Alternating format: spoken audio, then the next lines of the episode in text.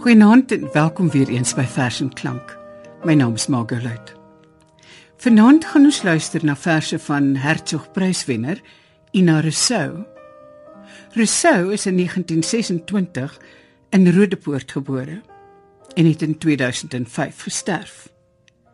In hierdie tyd het sy 6 digbundels die lig laat sien. En Daniel Hugo het in 2003 2 jaar voor haar afsterwe 'n keur uit haar werk byeengebring.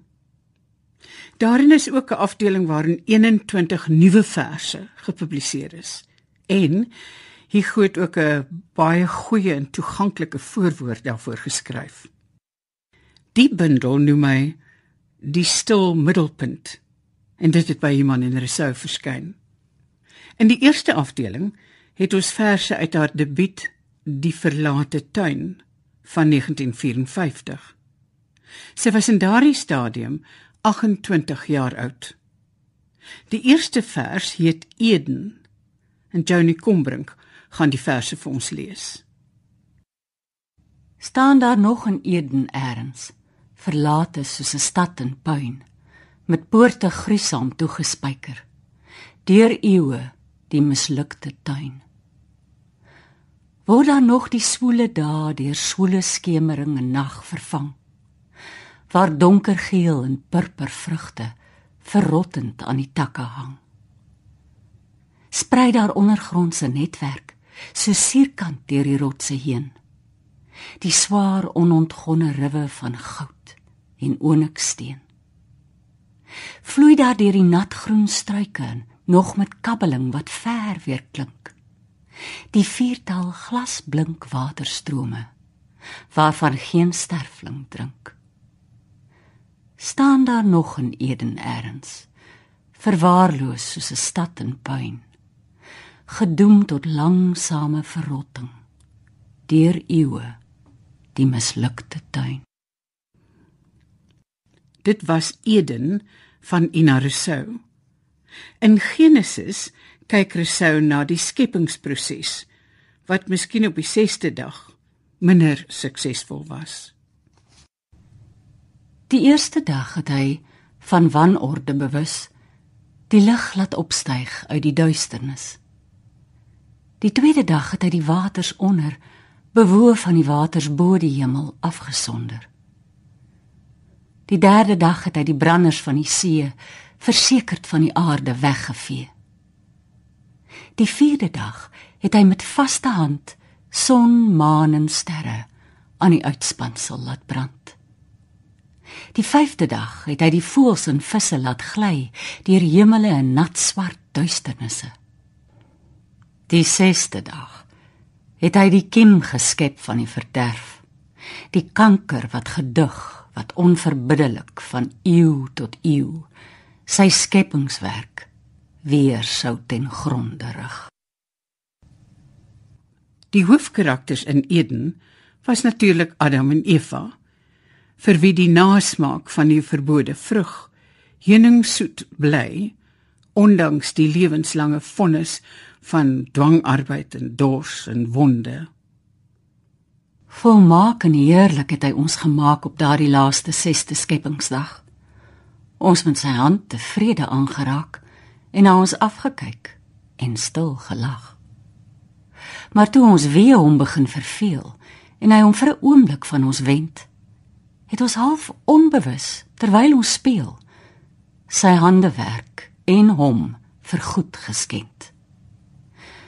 Nou dien ons neergebo en geskonde ons lewenslange vonnis uit in tug van dwangarbeid en dors en wonde en al wat die bestaan van vrees en sonde draaglik maak is die verbode vrug sy heuning soete nasmaak in ons monde. 35 jaar nadat Ina Rousseau die vers Adam en Eva geskryf het herbesoek sy hierdie tema in die eerste mensepaar. Net ons het die tuin geken. Net ons en die tuin was goed.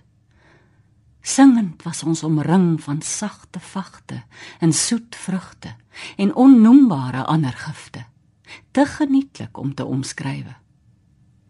Ewenwel, na ruk kon ons die verskriklike geluk maar net nie meer sluk nie. En toe, soos almal weet, het 'n skielike nik ons die tuin laat verongeluk. Ons wy nie uit oor die naderdraai nie. Net dit om die mag te gehad het o nageslag. Om 'n oop soos daardie situ situ omver te kan ruk. Dit was nie te versmaai nie.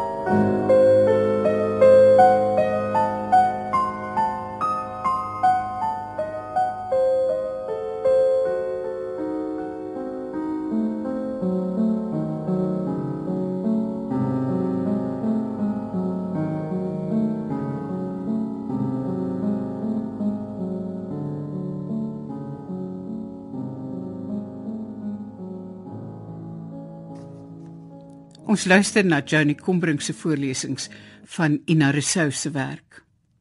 Ina Rousseau was 31 jaar lank getroud met die botanikus Bob Noel. Na sy afsterwe skryf sy 'n beroofde 3 waarin sy die begraafplaas die landstreek van jou verbanning noem en die wêreld waarin sy haar bevind die slangtuin van onheil. Ek breek jou van my los gaan bespiek maar alleen die granietgebied. Die gevaarvrye kalm landstreek van jou verbanning. Terwyl ek 'n klein rukkie langer in hierdie slangtuin van onheil se geil dampkring vertoef. Omring deur die puin van ons planne. As haar man verbann is tot die begrafplaas, oftewel die landstreek van jou verbanning, waarna sy verwys in beroofde 3, is nog 'n belangrike banneling by wie Ina Rousseau gemoed was, die digter Peter Bloem. Bloem, wat in Italië gebore is, maar in Suid-Afrika grootgeword het, het verskeie kere aansoek gedoen om Suid-Afrikaanse burgerskap. Dit is helaas elke keer geweier. In In Exilio beskryf sy hierdie stryd van haar vriend. Drie repe uit die stadskaart weggeskeur. En die adreslys is nog onvolledig. Die ingetoe vrou by die adviesbureau weerhou die inligting waarna hy soek en eet 'n trossie blou Berlinka druiwe. Rame word afgeskuiwe. Deure gaan toe. Gange eindig op die plek waar hulle begin. Verbygangers en 'n verkeersagent bedui hom die verkeerde rigting in. Die alfabet lê deurmekaar geskommel in elke swart omraamde proklamasie. In elke slagspreuk teen die stasiemure. In elke voorskrif, elke oggendblad en in die waarskuwings op die plakkate voor die geslote inligtingloket. Hy skakel syfers, maar die stad se drade is vol gelaai met stemme, bly beset. En so te midde van die vaal duisendes met geskiedenisse wat verskil van syne. Wesens wat afsydig roep en fluister in dialekte en vaktale waarvan hy een enkele woordgroep kan herken. Die wat hy self soms uiter. Straat op, straat af, deur lane nat en duister. Verby portale waar die ligte nooit meer brand. In stowwerige amptkantore permanent gesluit. Dwaal hy dag in, dag uit jaar in jaar uit op soek na die gesantskap van sy land.